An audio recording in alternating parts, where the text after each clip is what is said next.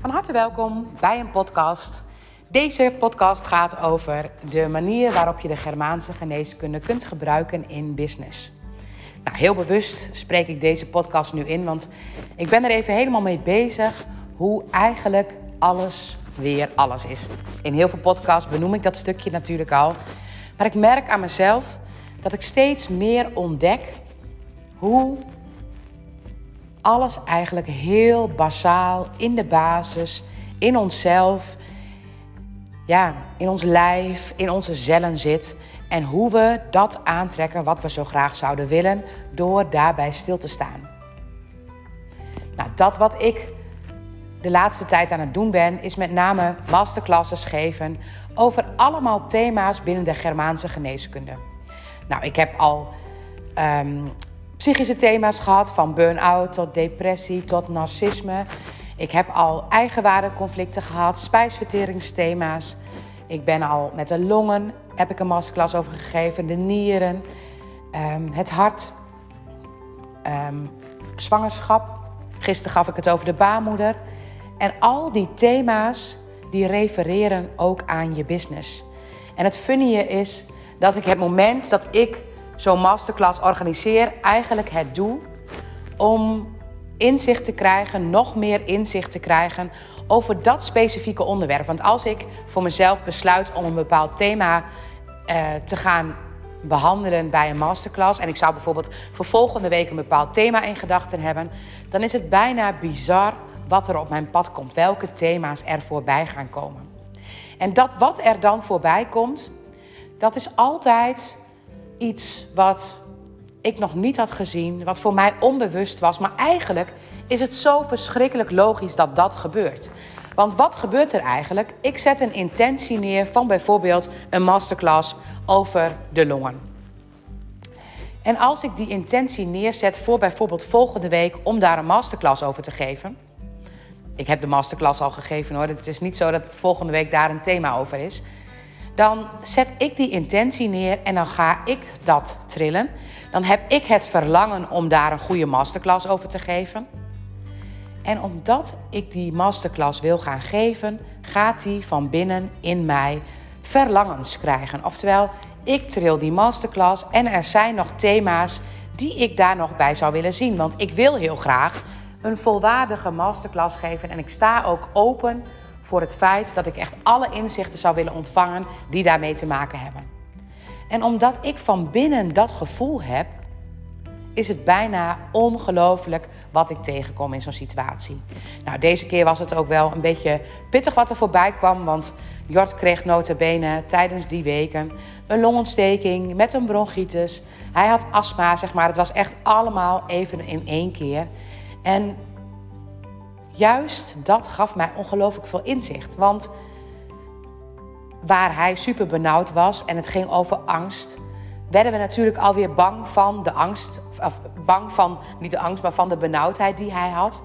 En bij die benauwdheid, zeg maar, konden we bijna geen ruimte aan hem geven. Was het bijna niet mogelijk om hem bijvoorbeeld met de pufjes weer open te krijgen. Dus we moesten naar het ziekenhuis. En in het ziekenhuis we, kwamen we in contact met een dokter. En het is ook heel bijzonder hoe je dan verhoudingen kunt pakken, ik ook als moeder, ten opzichte van de dokter, dat je dan alsnog weer een soort angstpositie pakt.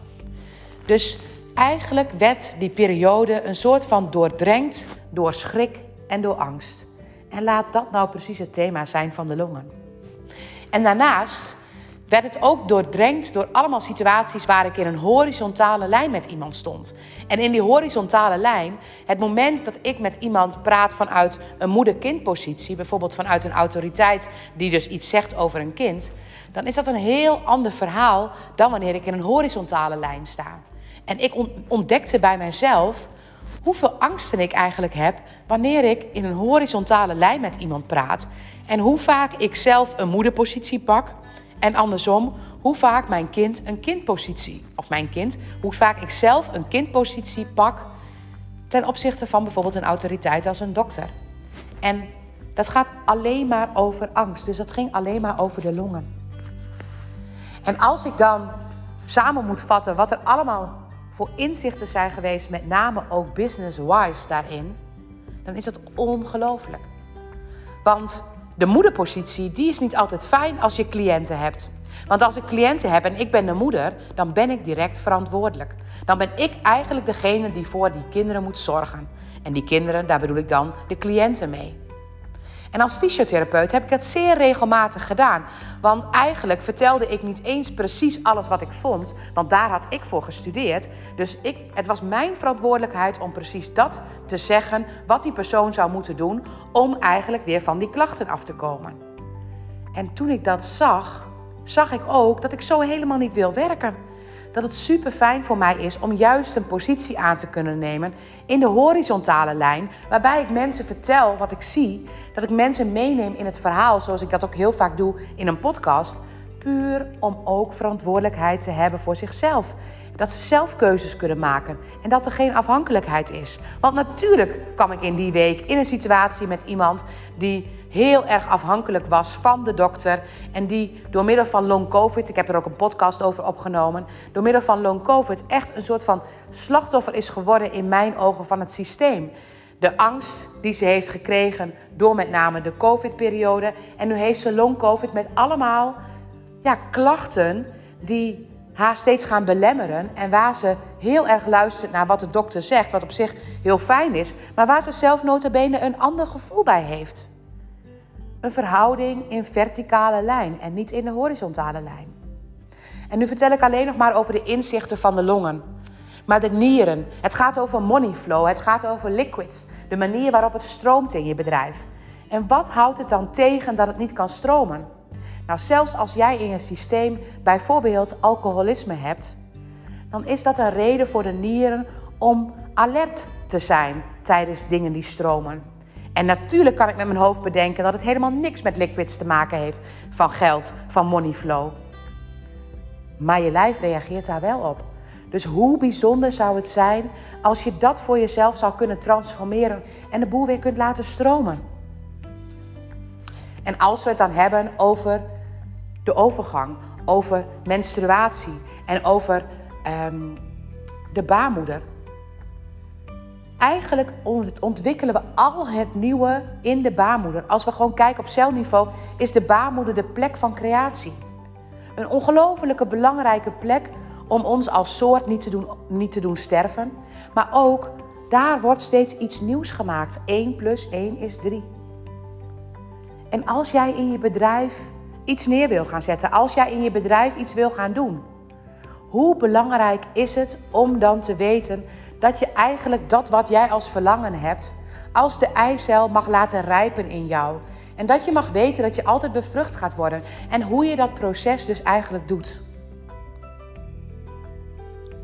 En al deze inzichten, ik ga ze bundelen. Ik ga ze deze zomer in een summer school geven.